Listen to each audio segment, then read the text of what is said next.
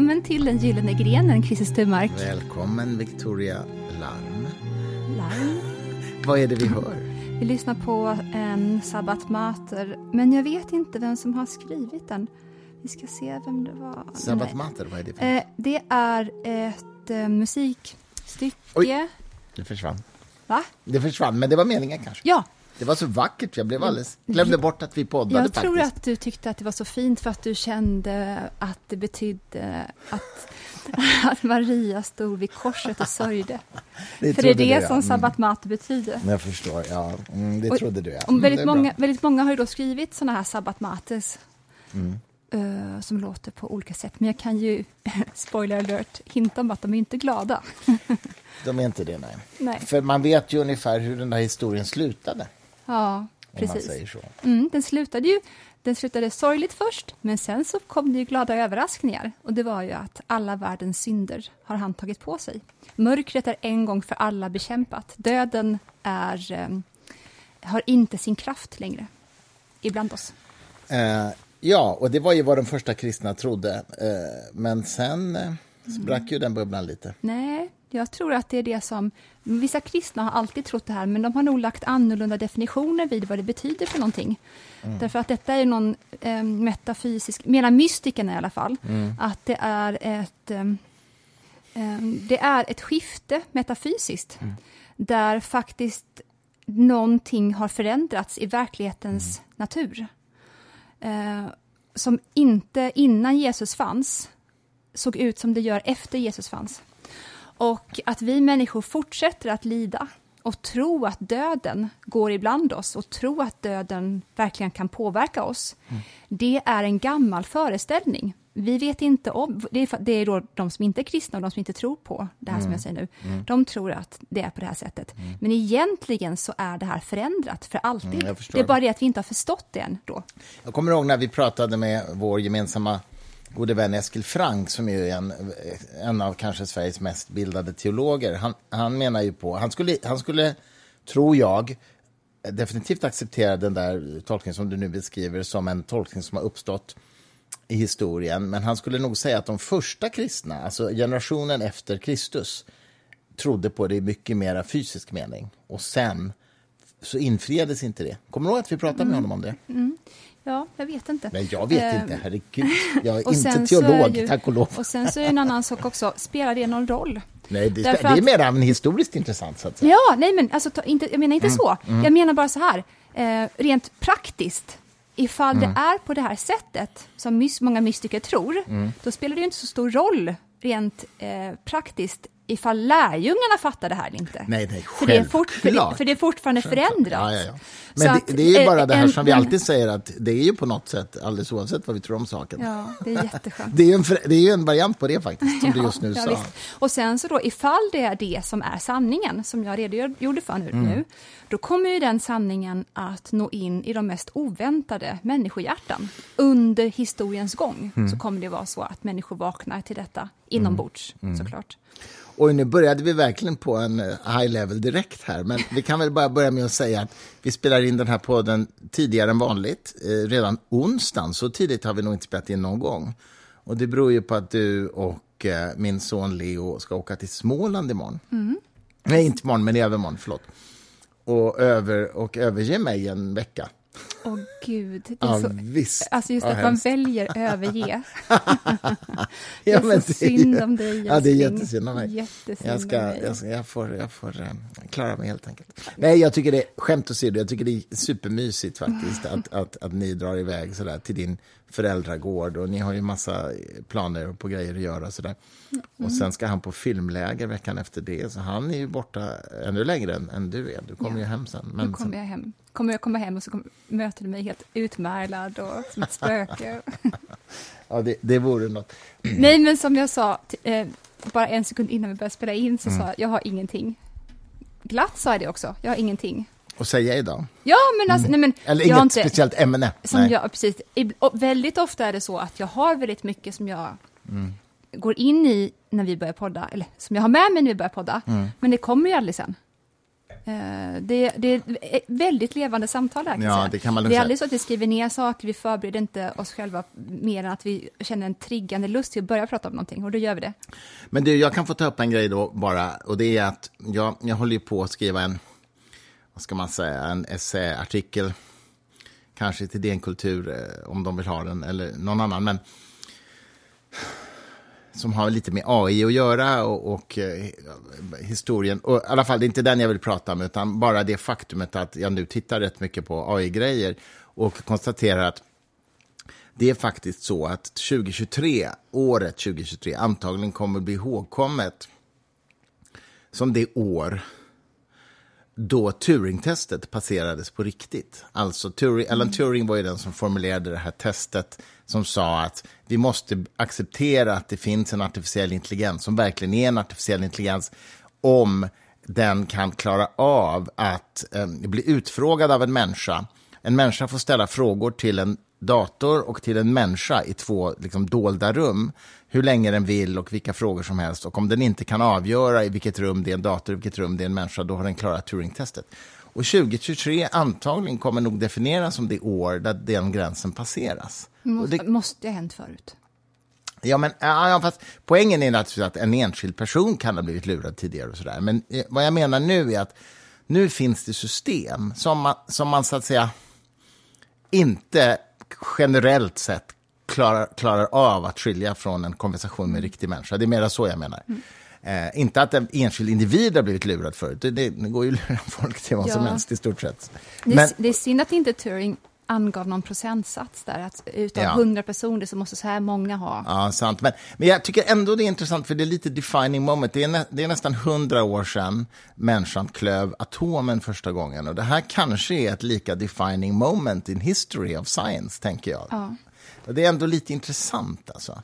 Jag har just lyssnat på en väldigt bra föreläsning om hur de här ChatGPT-strukturerna fungerar på riktigt, alltså så kallade large language models, hur de faktiskt fungerar rent tekniskt. Och jag, jag är ju gammal IT-person, men jag är ju superrostig. Det är 20 år sedan jag lämnade IT-branschen, men, men eh, jag först, lärde mig jättemycket av det.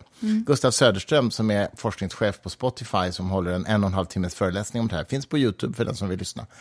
Ehm, och det slog mig bara att 2023 tror jag kommer vara ett år som kommer liksom stå i historieböckerna i någon mening. Eller vetenskapshistorieböckerna åtminstone. Mm, absolut. Det är stora AI-året. Ja, ja men det, jag tror faktiskt det. Jag tänker bara på eftersom vi såg Oppenheimer häromdagen och det var ju också väldigt defining när människan knäckte atomklyvningen, på gott och ont såklart. Och sen, och idag finns det ju många som tror att det här kan vara ett jätteproblem också med AI-revolutionen. Max Tegmark som har Precis. pratat igår och, och var, han är ju ganska al- alarmistisk får man säga. Ja, det har ju kommit lite röster om att han är en konspirationsteoretiker också nu. Ja, jag såg i DN, eh, framförallt att hans bror eh, uppfattas som det och att, och att Tegemark verkar stödja det i någon mening, i alla fall med pengar. Oj! Ja. Så, så, ja, jag vet alltså för lite om detta för att våga säga något, men det låter lite märkligt. Åh, gud, jag Men han är ju inte ensam om att vara orolig för den här Men AI-utvecklingen, vet men å andra sidan är han mycket mer alarmistisk Och än vi- många andra också. Och vi vet inte ens, helt ärligt, så jag ska inte utropa ett så högt oj, utan vi vet ju inte vad den här brodern har för teorier, eller hur kosher de är. Nej, jag har inte, ingen aning. Såklart också. Jag har ingen aning. Jag menar, jag blir gärna sugen på att undersöka vilka halvfishy organisationer som jag skulle kunna tänka mig att skänka pengar till, som inte är jätte... Det vill inte jag Det undersöka. vill du inte undersöka och veta. Det vill jag inte veta. Nej. då. Men du, apropå sommarpratare, vi måste prata, tycker jag i alla fall, om David Thurfjells sommarprogram. Mycket gärna! Jag Ja. tycker att det är ett, alltså så här, jag vill börja med att säga att jag tycker det var ett av sommarens bästa hittills. Och då kan jag faktiskt kontra med att säga att jag tycker att det är ett av de bästa som någonsin har setts. Oj, oj, oj, ja, det var stora Det, ord. jag tycker att det är... För du har ju hört alla. Nej, jag skojar. Eh, På plats med ett på listan är det Ingmar Bergman, och sen nummer två är det Ingmar Bergman, och sen nummer Ah. Ja. tre är det Ingmar Bergman. Och sen Jag det på så hela vägen ner till åtta, och då kommer David, och sen kommer Ingmar Bergman, och sen kommer Ingmar Bergman. Oh my god. Kan, kan inte vi lyssna om på Ingmar Bergmans sommar? Jag vet inte, det känns så in, konstigt intimt att vi ska göra det ihop. Det är liksom jag och Ingmar som ska vara tillsammans då. Okej, okay, jag fattar. jag fattar. Nej, men det var, alltså, det var roligt. Vi ska ju disclaima direkt att vi är goda vänner med David båda två, så att det är klart att vi inte är neutrala och opartiska i den meningen. Mm. Men jag blev fascinerad av, han är professor i religionshistoria, Um, för första tycker jag det var oerhört väl berättat. Och då menar jag i rent teknisk mening, alltså intonation, röstläge och liksom berättarstilen. Det är, det är en eh, talang i sig. Tänk att det är på ett sånt sätt att fast att vi aldrig har pratat med en människa tidigare mm. så kan vi ändå höra ifall den personen uh, förställer sin röst. Mm. Det tycker jag är häpnadsväckande med mm. människan, mm. att det är på det ja, sättet. Ja, ja, Man hör direkt ifall den försöker vara någonting som den inte är. Och det tycker jag även gäller när människor sjunger. Jag har mm. jättesvårt mm. för människor som hanterar sång som idrott, mm. där man ska försöka då tekniskt bara eh, ställa in rösten på ett sånt ja, sätt. Jag förstår vad jag avskyr det. Och det gör jag, han ju inte, nej, han förställer sig inte. Det är en nakenhet. Som Får man bara säga skål? Oj, Vi har inte gjort det. Vi har glömt bort att säga skål. Tänkte, vad gör du? Varför vinglar du så här mm. glaset mot mig? Nej, men, så att, så att det, det, det, var väldigt bra. Och sen var det ju en dramaturgisk struktur i själva berättelsen som också var väldigt, väldigt fin, tycker jag. Ja, väldigt var, bra. Den var, precis. Sen så finns det ju, kan man ju också säga, att det finns ju ingen dramaturgisk struktur som kan rädda upp ett innehåll egentligen. Mm. Ja, no, jo, det kan det ju, något sånär, men... Um, ja, jag förstår vad du menar. Mm. Nej, men det är klart. Uh, och där har han säkert fått hjälp av en duktig producent på Sveriges Radio, det vet ja, inte de jag. Har men... ju, de har ju ett helt, en äh, fängelsehåla, visste du det? Under Sveriges Radiohuset, där de låser in äh, dramaturgerna för sommar.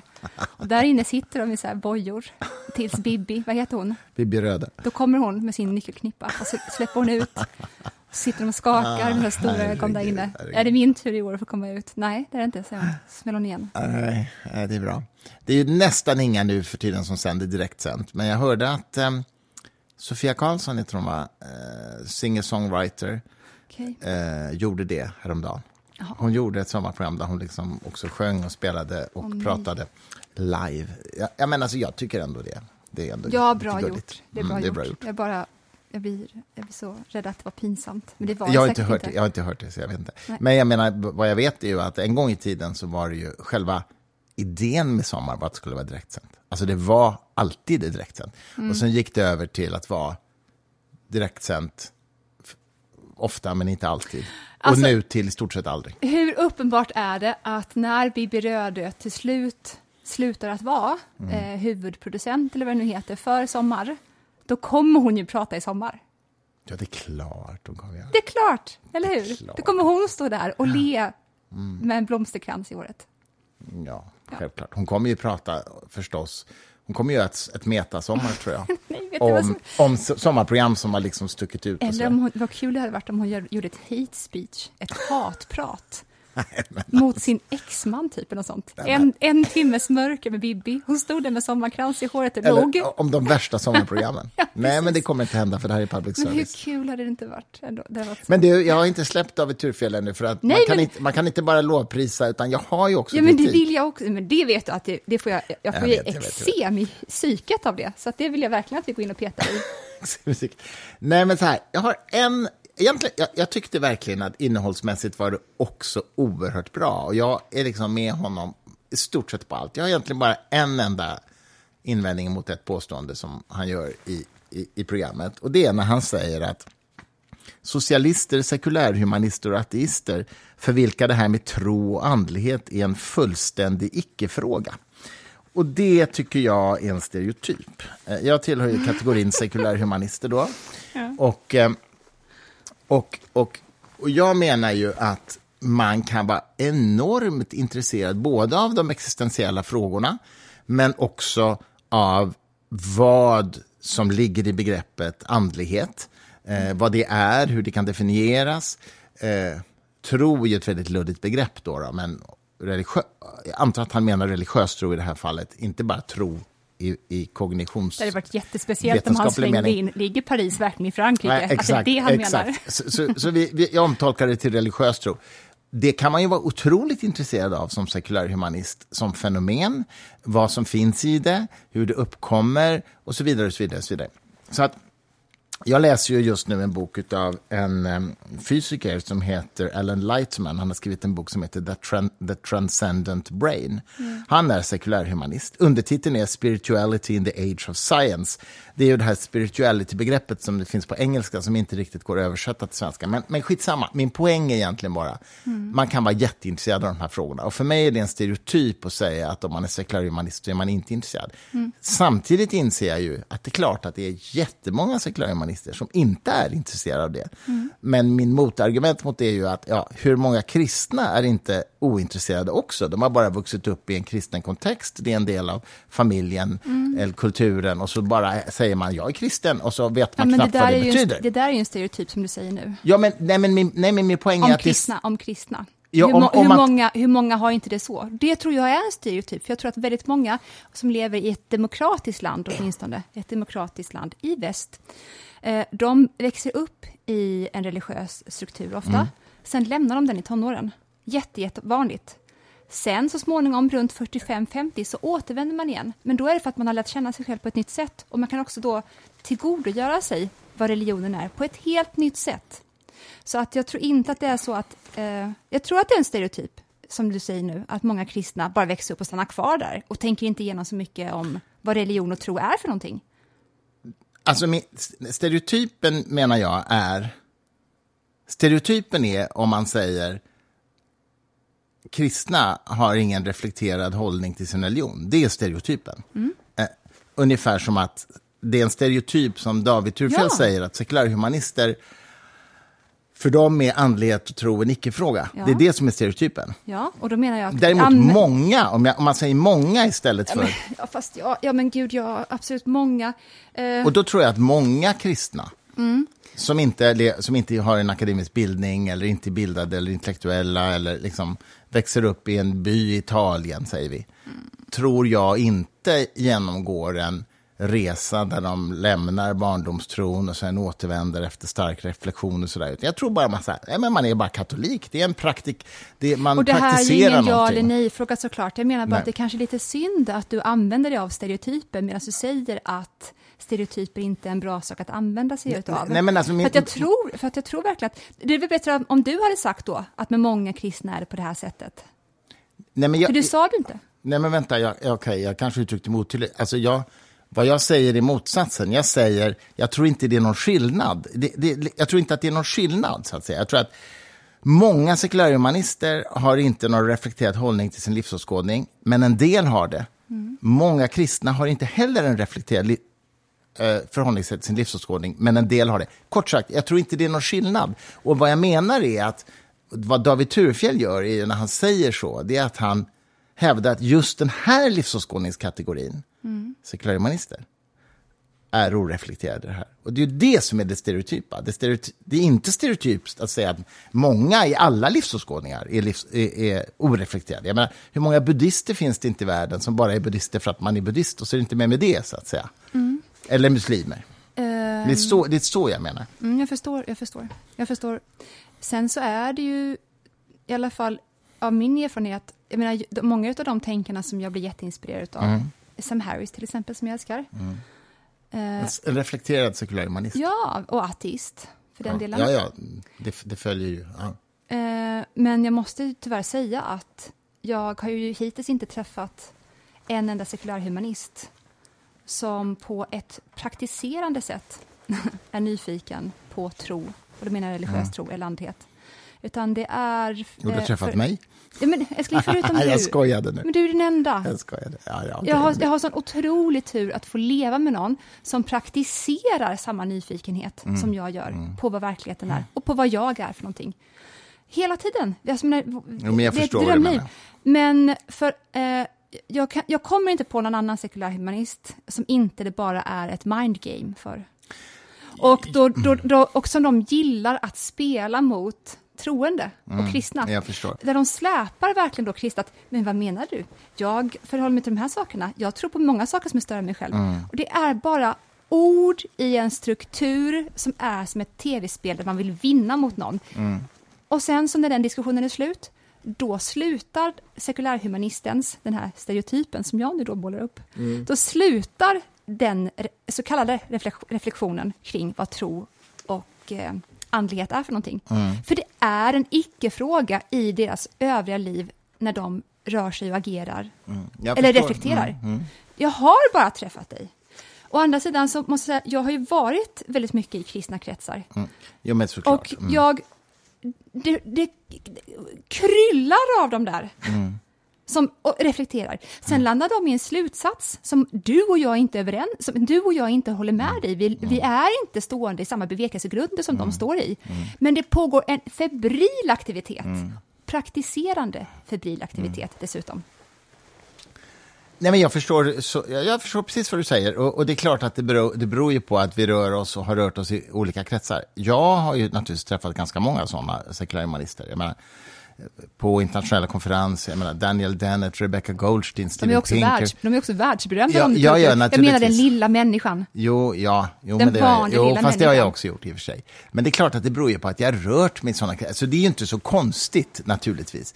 Men jag, jag bara menar så här, rent historiskt, sådana som, den här Alan Lightman eller, eller ta liksom eh, Eh, Einstein eller Bertrand Russell ja. och alla de här. Det är ju inte oreflekterade Nej, jag älskar personer. dem. De är ju då som sagt världsberömda mm, allihopa. Mm. Jag har träffat fotfolket. Mm. Jo, Hur jo. många finns... Alltså, herregud, man får mm. liksom vada fram mellan dem. Visste du förresten att Einstein brukar ju tillskrivas religiositet eh, ganska ofta i religiösa kretsar, men visste du att han var med och bildade The First Humanist Society, tror jag det hette, i New York 19, på 1920-talet. Mm. Och satt med i, han satt med i någon slags advisory board tillsammans med Julian Huxley, bland Nej. annat.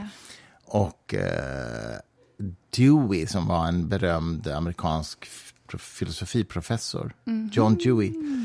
Um, och Julian Huxley var ju sen involverad i bildandet av den internationella humaniströrelsen på 50-talet, långt senare. Men här redan på 20-talet faktiskt, mm. så är Einstein inblandad i det. Mm. Um, och eh, det finns ju många teorier om vad, hur han, vad hans livsåskådning var. Han var ju inte teist, kan man ju alla Nej, säga.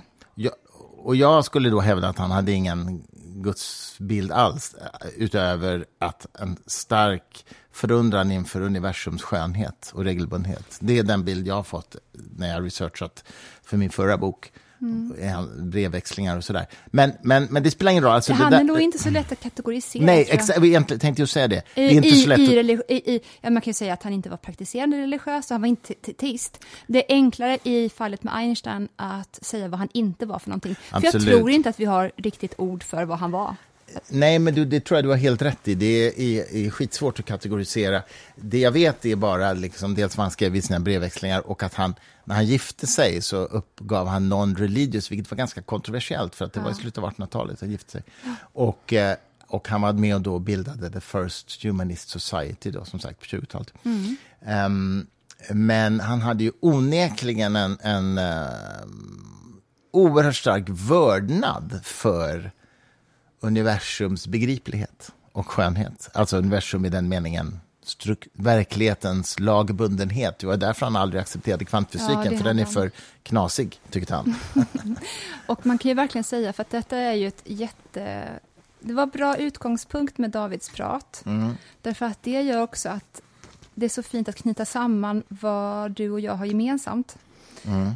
Eller vad för den delen många mystiker och många ateister har mm. gemensamt. Mm. Och det är ju just då ett icke-teistiskt förhållningssätt. Mm. Och eh, ifall man bara liksom kokar ner vad man menar tillräckligt långt för då hamnar man ju såklart i anatomin utav människan. Vad är vi för någonting och mm. hur är verkligheten beskaffad? Då är det ju häpnadsväckande många mystiker som rör sig i precis samma realm som många eh, matematiker gör. Oh, ja. Eh, och det är, som, det är där som, vi står ju där på den här platsen hela tiden, du och jag. Mm. Vi läser ju allt, vi pratar om allt som har med det här att göra. Mm. Och vi står rygg, i, i, rygg med varandra också. Och där vi skiljer oss åt, du och jag, det är ju på den där lilla detaljen som är att eh, jag tror att det i människan finns eh, någonting som också finns i resten av verkligheten som är evigt och som eh, fortsätter att finnas även ifall det inte finns någon materia i det. Mm. Eh, Så att det är, det är en form av förexistens som fortsätter att göra sig gällande i verklighetens textur och inom oss. Och det, det, tyck, det, det du kanske säger att du är agnostisk till det eventuellt? Ehm, ja, det, det är intressant. Alltså jag, jag, jag, jag, jag, skulle, jag tror som Alan Lightman, jag läser just den här boken The Transcendent Brain. Jag tror att den transcendenta upplevelsen är ett emergent fenomen, så att säga. Men det kan mycket väl vara en stark emergens, det vill säga att det inte är reducerbart till sina delar. Men det här är ju Och det, superkomplext. här, och det är egentligen en annan sak också, för att frågan är ju den transcendenta förmågan människan besitter, Mm. berättar den någonting om det här jag sa? Nej, det behöver den inte göra. Nej, det behöver den verkligen inte Det göra. har med någonting helt annat att göra, som bara har att göra Verkligen. med att vi ska få ett påslag för att orka springa en stund till.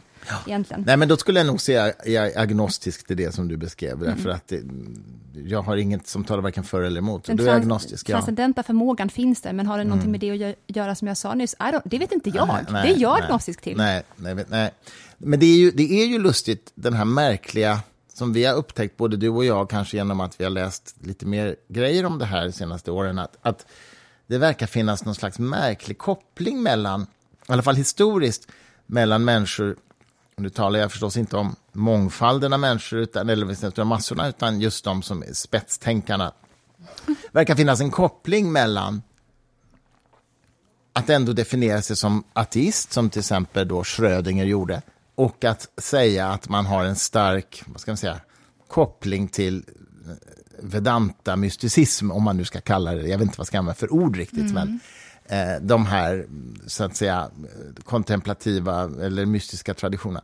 Och att det verkar liksom, det korrelerar i alla fall, om man ska uttrycka sig försiktigt. Ja. Sen kanske inte det är en kausalitetssamband, men det är i alla fall en korrelation uppenbarligen. Ja. Kvantfysikerna höll ju på, Och det är- flera av dem tänkte ju så. Jag kan bara tänka mig att det har att göra med ett skiftande huvudfokus. Och det Mm. är ju då att ifall man i första hand är intresserad av verklighetens beskaffenhet, Mm. då kommer eventuellt en icke-teistisk hållning Mm. till det religiösa med på kuppen så småningom. Eh, Medan ifall du har Guds natur som huvudfokus, Mm. då landar du oftast i teism från början. Ja, just det. Och eh, många av de tänkarna, de här spetsjärnet, eh, de hade ju i första hand utforskningslust för vad är detta för någonting. Och då hittade de ett eh, formuleringssystem och ett språk för detta som häpnadsväckande nog överensstämde ganska väl med deras upptäckter, vilket var då Vedanta. Exakt. Ja. exakt. Och då behövde man, alltså, det gör ju också att ifall du börjar med verkligheten, då behöver du aldrig ens eh, eh, ha en gudsbild som skymmer din utsikt när du Det här är söker. en jätteviktig poäng, för att en, en konsekvens av det du säger nu också, som ju är historiskt välbelagt, det är ju att själva ordet ateism, alltså det etymologiska ursprunget, är ju religiöst. Det vill säga, det är ju ett förhållningssätt till, till ett teologiskt begrepp som är teism. Och du och jag har kanske lite olika syn på vad det ordet betyder, därför att för mig är ju icke teist och ateist synonymer. Ja. Men jag vet att du, och, och du är ju där mer pragmatisk, därför människor, me, Inte bara. Jag människor ju, menar mer med ateism idag än icke-teist. ja, Men, men, men jag skulle säga att den historiska betydelsen av ordet ateist Mm. är synonymt med icke, icke-teist i den meningen att det var bara ateistiska gudar man förhöll sig till. då. histo historiskt ä- stämmer det. Ja. Men när jag läste i Oxford Diction Dictionary och när jag läste på Wikipedia Mm. Eh, vad ateist inbegriper, så som det står nu idag, Mm. det skulle jag aldrig kunna skriva under på. Nej, men jag vet, nej, men det, och det är ett mycket vidare begrepp. Jag vet att det skrivs, Idag står är så. det tydligen så. Vilket gör då att jag skulle aldrig kalla mig för ateist och jag skulle aldrig Mm. kalla mig för teist heller. Nej. Eh, Det där, är, det, det, det där är jätteintressant. Och jag, jag håller verkligen med dig. Alltså man, idag har det fått en massa andra konnotationer som är mycket bredare Mm. Än att vara icke-teist. Men etymologiskt, jag menar det är klart, ja, alla ord kommer ju från en, en birthplace då man använder dem på ett annorlunda sätt. Mm. Därför det är ju det bara som det ska. det uppstod i, en, i förhållande till teism. Ja. Men, eh, men jag menar, och idag tolk, alltså bland, i vardagsspråk så tolkas ju ateist ännu bredare än kanske än vad du gör, eh, möjligen. Jag kan prova det här i alla fall. Jag, jag möter ju ibland människor som säger så här, mm. ja, om man är ateist så tror man inte på reinkarnation eller spöken. Eh, nej, det finns ingen, det är inte nödvändigt skulle jag säga. Du kan ju mycket väl tro på spöken och vara ateist. Det är bara det att du tror att spökena inte har något gudomligt ursprung. Du kan ju tro på själavandring i någon slags naturalistisk mening utan att tro på en gud. Mm. Jag gör ju inte det, men det beror på att jag är sekulär humanist, men det är en annan sak. Ja, men jag menar, en ateist, enligt min definition, skulle kunna tro på det. Eller astrologi, eller tarotkort, eller vad fan du vill. Va? Mm. Men som sekulär humanist tror jag inte på det, men det är en annan sak. Mm. Men jag håller med dig, idag har begreppet fått en vidgad och i någon mening överförd betydelse till att täcka in mycket mer än vad det ursprungligen betydde. Mm. Mm. Eh, Nåväl, vi, vi har pratat om det jättemycket. Så ska, kanske... Jättemysigt, det här vill jag prata om för evigt. Ja, men vi kan göra det Och jag vill ju också att vi ska fortsätta utforska vad finns det för gudsbegrepp som vi kan relatera till på olika sätt. Mm. Det, nu vet jag ju bara att jag inte är ateist, eller jag är inte ateist, men vad, hur kan jag bäst kalla det som jag är mm. för? Det kan vi utforska om du vill. Ja, ja, men, jag, men det kanske vi sparar. Ja! Till en annan podd. För det här gud, kan vi... ja. Nej, men gud, vi har ju inga verktyg för det nu. Får jag prata om en annan sak? Um, vad vill du prata om? Hon viskar så att lyssnarna inte hör. Är det något? Nej, men jag bara tänkte debatten om har koranbränningarna. Har det med mig att göra? Nej, debatten okay. om koranbränningarna. Okay. Ja, gärna.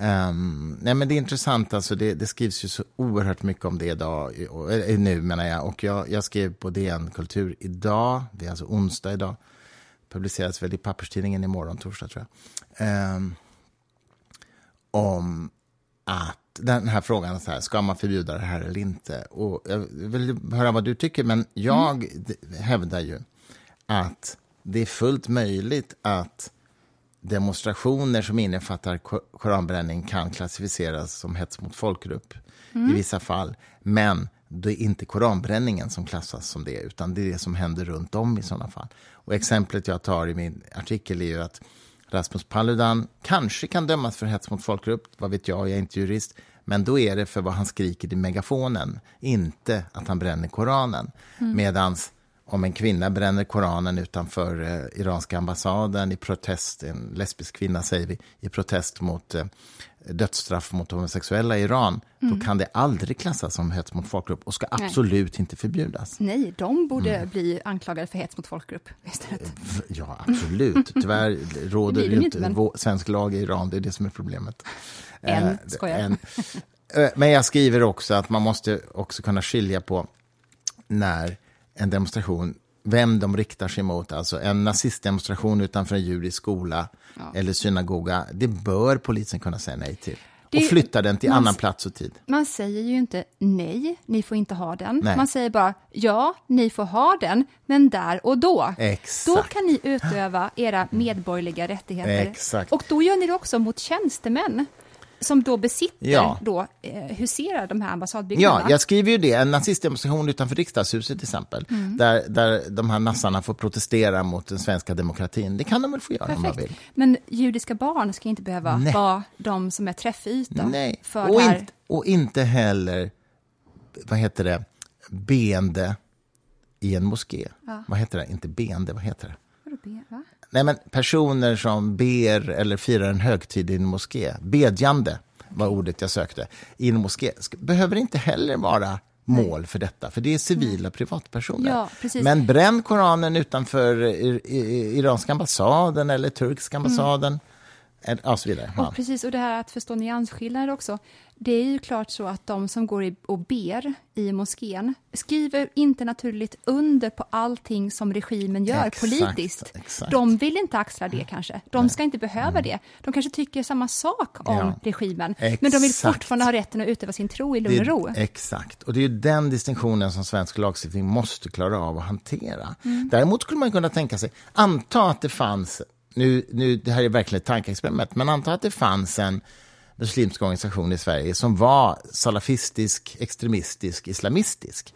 Utanför deras lokal borde det vara legitimt, leg, legitimt att göra det. Ja. Därför att de aktivt driver en politik. Och den kan man få protestera mot. Ja. Men inte människor som går och ber och firar en högtid. Nej. Och jag förstår att det är inte så himla lätt som vi säger nu. Det måste man ju alltid förstå. Mm. Därför att det handlar ju faktiskt om vem äger rätten till det offentliga rummet. Ja. Det är ju det man måste förhålla sig till. Eh, vem äger mest rätt att få göra sin sak genomförbar och i fred? Mm. Är det den som vill gå och be i en moskvi, mosk, moské, eh, moskvi? Eller är det den som vill protestera utanför en moské? Mm. Det är det offentliga rummet som alla äger lika mycket, för vi betalar skatt i det här samhället och det är liksom så det ser ut här. Mm. Men jag vill verkligen ändå hävda att det, det går att göra en hierarkifördelning i vem som har mer rätt än andra till vissa platser vid vissa tidpunkter. Mm. Det, det går att göra en bedömning kring det här trumfar dig nu, så därför måste vi göra så här. Ja, framförallt därför att man kan, väl, därför man kan säga ni får gärna göra det här, men inte just där och inte just då. Ja, precis. Och då är, Då är ju ja. yttrandefriheten fortfarande Jo, ofredad. Jo, så är det ju. Men man måste ju erkänna samtidigt att därmed säger man till den som ber Mm. att du har mer plats i det offentliga rummet där och då än den andra Just i, den, personen. ja, just i den stunden. ja, ja. Mm. Då, då, och det får man bara erkänna. Men sådana Att det är begränsningar en bedömning och värdering man Såna, gör. vi har ju massor med sådana begränsningar i samhällsstrukturen. Alltså, du släpper inte in män i kvinnornas omklädningsrum på badhuset Ja, jo, heller. det gör man ju nu när man har... Vad Okej, pratar that's om? another vill, du, vill discussion. du verkligen hoppa in i det Don't där? go there. Moderna museet, Moderna museet har ju blandtoaletter. Ja, men det kan man väl ha så länge man är en, en och en, höll jag på att säga, på, på toalett. Jag vet inte. Alltså, det, Om jag hade haft två små flickor och det är liksom, jag ska gå på toaletten med dem, då skulle jag inte vilja göra det när det är liksom, kliva ut när det är en massa män runt omkring. Kan inte något rum bara få vara ett safe space för tjejer? okej. Fair enough, jag har ingen tydlig uppfattning i det. Men, men framförallt, min poäng är bara att vi har ju massa begränsningar där kvinnor har företräde till omklädningsrummet på badhuset. Där får män inte vara just då. Jag menar, det finns ju massa... Massa, massa men sådana. Så, att, Måste vi gå ner i J.K. Rowling-hålet? nej, vi ska inte det. det här är inte en, vi ska inte diskutera transfrågor. Vet du vad? Vi ska, Nej, du och jag, Leo, ska åka in och spela schack nu. Vänta, På jag måste stan. bara, vad heter det? Så nu ska vi snart sluta. Ja, nej, men fortsätt. Shoot. Vad tänkte du på? Jag skulle vilja läsa, alltså jag verkligen eh, älskar transfolk, backar transfolk och sådär. Ja, såklart. Of course, men jag vill, vill, skulle fortfarande vilja höra någon vettig idéhistoriker ge en analys om hur det kommer sig att denna minoritet äger så mycket av eh, debatten uppmärksamhetsmässigt. Hur blev det så? Skicklig lobbying. Men vad kommer... Och då menar jag det är värdeneutralt, alltså lobbying Ja. är inte något Nej, men negativt. gud, nej, det är väl absolut jättebra. inte. Alltså, det finns massa grupper som har, fe- feministiska kamper har varit duktiga på det också och det tycker jag är superbra. Om man bara tänker de som kämpar för till exempel en sund ja, a-kassa i Sverige då, och så motsvarigheten till den a-kassan, vad det nu heter, i Frankrike eller England och USA. Det är ju faktiskt en, en samhällsform som är i kärnan av samhällsbygget. Ifall någon blir arbetslös så kommer du ibland i perioder kanske behöva vända dig gentemot vad det nu kallas för i andra länder. Alltså, tänk hur många människor och barns välförhållanden eller missförhållanden som den sortens organisationer egentligen bär på sina axlar. Hör man ett ljud från dem? Det är en politisk grupp också. Mm, Ja, ja, visst. Never. Nej, men det, det där är väl ett Hur sant... många, hur många tar inte livet av sig för att föräldrar lever i fattigdom eller för att man inte klarar av att eh, ha en sund hemmamiljö på grund av ekonomisk stress och så vidare. Den klassaspekten på det hela. Jag menar, Självklart. herregud. Ja. Nej, men, det är klart det är en kombination av skicklig lobbying alltså i, i värdeneutral mening men också vilka frågor som liksom ligger i luften i samtiden och hur de samklingar med andra me metatrender i samhället. Sådär. Så att man får ju, ibland har man ju så att säga tur i någon mening med sin fråga därför att den ligger i tiden och då har man ju väldigt mycket man- enklare att komma Och igenom. att man har varit en aktör som har sett till så att den ligger i tiden också just såklart. Det. är en rundgång på det. Lars Gustafssons berömda problemformuleringsprivilegium. Proble problemformuleringsprivilegiet kallade han det. Det är Sorry. ett jävligt långt ord. Men, men, okej. Mm. Eh, I alla fall, Sturmark. Vi ska åka in till stan nu, Ska vi det? äta lite middag och Ja. eh, gå på schackklubben, eh, schackbaren som öppnar idag Jag vill bara säga det också. för säsongen alltså. Det största, största uppdraget som jag tror att vi har eh, i Sverige, men också i alla andra länder, det är att göra fördelningspolitiken het igen.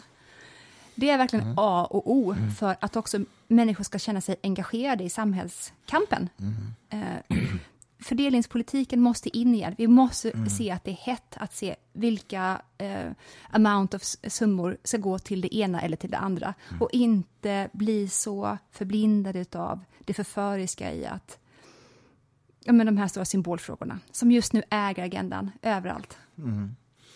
Ja, men eh, precis. Ska du engagera dig i socialdemokratiska valrörelsen? Nej, jag. Galen. Men vad heter det, klass? Nej, verkligen inte. Men däremot, jag säger, återkommer konstant till att klass, klass, eh, klass är allt. Ja, klass i allt. Men det har, ja, just det. Och det har ju stått högt i kurs under stor del av 1900-talet, klassfrågan och är klasskampen. Men den gör inte det riktigt nu, utan nu är det en massa andra Mm. liksom, eh, kategoriseringar som har någon slags företräde. Jag vet, jag Mm. vet. Det är det du menar, du vill ändra på igen? Ja, Tillbaks till grunden. Mm. ja. Det är bra. Eh, darling, jag tror att vi avrundar där. Får vi någon muslik, mu, Muslim, muslik, muslim. muslik som jag avslutning eller ska jag? Ska du lura med mig in och spela schack? Ja, Är nu det så? jäklar. Vad gott är det ska bli med mat också. Ja, mat ska vi få också. Och så upplyftande nu, avslut på podden, så får Maria Magdalena, nej, Magdalena var det fan inte, det var oj fan också, sa jag. Ehm, Jesus mamma Maria, hon står ju och Alltså, va? Och så Var hon gråter vid korset. riktigt? Ja, okej. Jaha. Vadå, vad, vad menar, säger du det för att inte hon, vadå, jungfrufödsel?